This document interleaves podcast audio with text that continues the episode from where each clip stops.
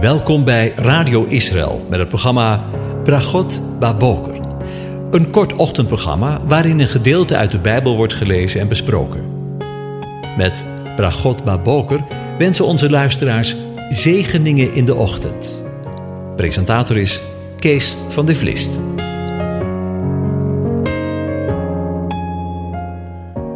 Goedemorgen, beste luisteraars. Vanmorgen denken we weer verder na over Psalm 40. Ik lees het gedeelte aan je voor. Heren, u zult mij uw barmhartigheid niet onthouden. Laat uw goede tierenheid en uw trouw mij voortdurend beschermen. Want rampen, niet te tellen, hebben mij omvangen. Mijn ongerechtigheden hebben mij getroffen. En ik heb ze niet kunnen overzien. Ze zijn machtig veel meer dan de haren van mijn hoofd. En mijn hart heeft mij verlaten. Laat het u behagen, heren, mij te redden. Heren, kom mij spoedig te hulp. Laten samen beschaamd en rood van schaamte worden wie mij naar het leven staan, om dat te vernielen. Laat terugwijken en te schande worden wie vreugde vinden in mijn onheil. Laat als loon van hun smaad verwoest worden wie tegen mij zeggen: Haha. Laat in u vrolijk en verblijd zijn alle die u zoeken. Laat wie uw heil lief hebben voortdurend zeggen: De Heere is groot. Ik ben wel ellendig en arm, maar de Heere denkt aan mij. U bent mijn helper en mijn bevrijder. Mijn God, wacht niet langer. Over liefde gesproken.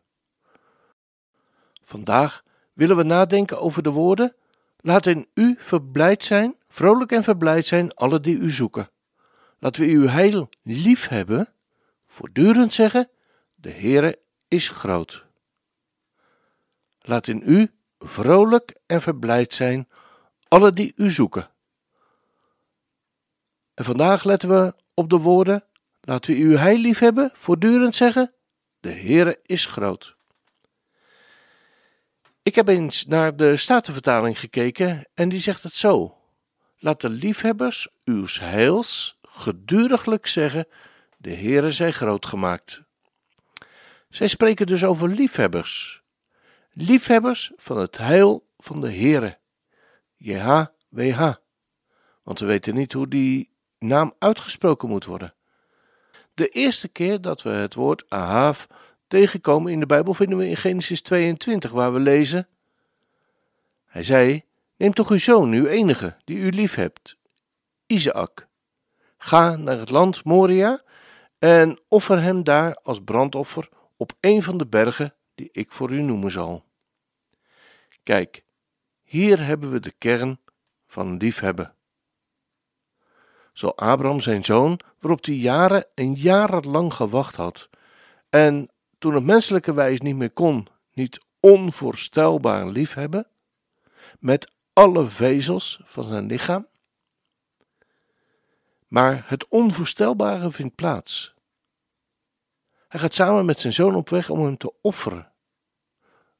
We zien ze daar beide gaan. De oude Abraham met aan zijn zijde zijn enige, hoor je het goed, zijn enige zoon, om hem te offeren. Mensen zeggen wel eens dat wanneer je man of je vrouw verliest, dat dat vreselijk is. Maar wanneer je kind verliest, dat dat menselijke wijs onoverkomelijk is. En Abraham was notabene bereid om vrijwillig zijn zoon op het offerblok te leggen. Mijn verstand staat stil. Echt waar.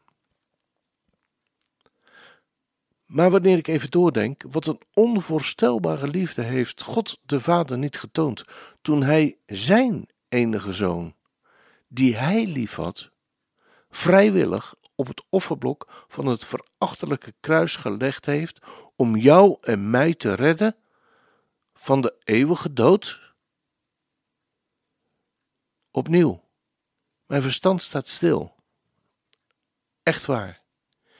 Deze Ahav, deze liefde, is het equivalent van het Griekse woord agape. Kernachtig samengevat staat agape, liefde, bekend als de hoogste vorm van liefde. Het is onzelfzuchtige, opofferende en dienende liefde. Deze liefde komt van God, de Vader. De liefde op basis van een keuze, de onvoorwaardelijke liefde die het beste voor de ander zoekt, ongeacht of het beantwoord wordt of niet. Nog een keertje. Ongeacht of het beantwoord wordt of niet. Dit is de liefde die van God komt. Hierin is de liefde niet dat wij God lief gehad hebben, maar dat Hij ons lief had en zijn zoon zond als verzoening voor onze zonde.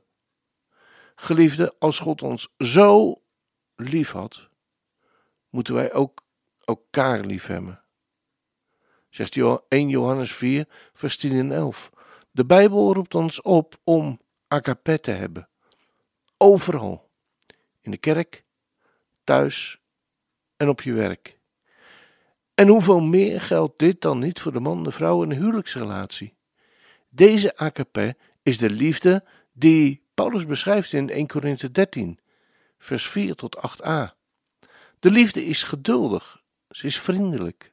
De liefde is niet jaloers. De liefde pronkt niet. Ze doet niet gewichtig. Ze handelt niet ongepast. Ze zoekt niet haar eigen belang. Ze wordt niet verbitterd. Ze denkt geen kwaad, ze verblijdt zich niet over ongerechtigheid, maar verheugt zich over waarheid. De waarheid. Zij bedekt alle dingen, ze gelooft alle dingen, ze hoopt alle dingen, zij verdraagt alle dingen. De liefde vergaat nooit. Als dat geen zegen is. Liefde was het, onuitputtelijk. Liefde en goedheid, eindeloos groot.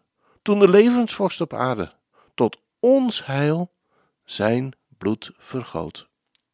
Kom, laat ons zijn liefde prijzen. God geeft vreugde en dankenstof. Eenmaal zingen wij voor eeuwig in de hemel zijne lof. Rijd als heerser door de velden. Jezus in uw grote kracht. Niets, niets kan u tegenhouden. Zelfs de hel niet, met haar macht. Voor uw naam, zo groot en heerlijk, zingt de vijand weg in niet. Heel de schepping heer zal beven, als zij u, haar koning, ziet. Kom, laat ons zijn liefde prijzen. God geeft vreugde en danken stof. Eenmaal zingen wij voor eeuwig in de hemel zijne lof. We gaan luisteren naar een uitvoering van het lied door Kees Kraaienoord. En ik neem nu alvast van afscheid van u en ik wens u een door God gezegende dag.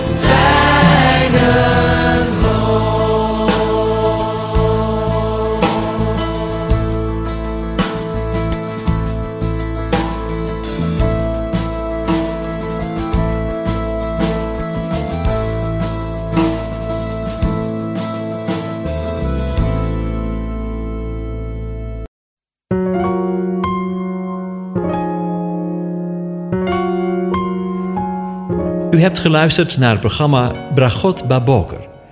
Een kort ochtendprogramma waarin een gedeelte uit de Bijbel wordt gelezen en besproken. Wilt u het programma nog eens naluisteren, dan kan dat. Ga naar radioisrael.nl en klik onder het kopje radio op Uitzending gemist.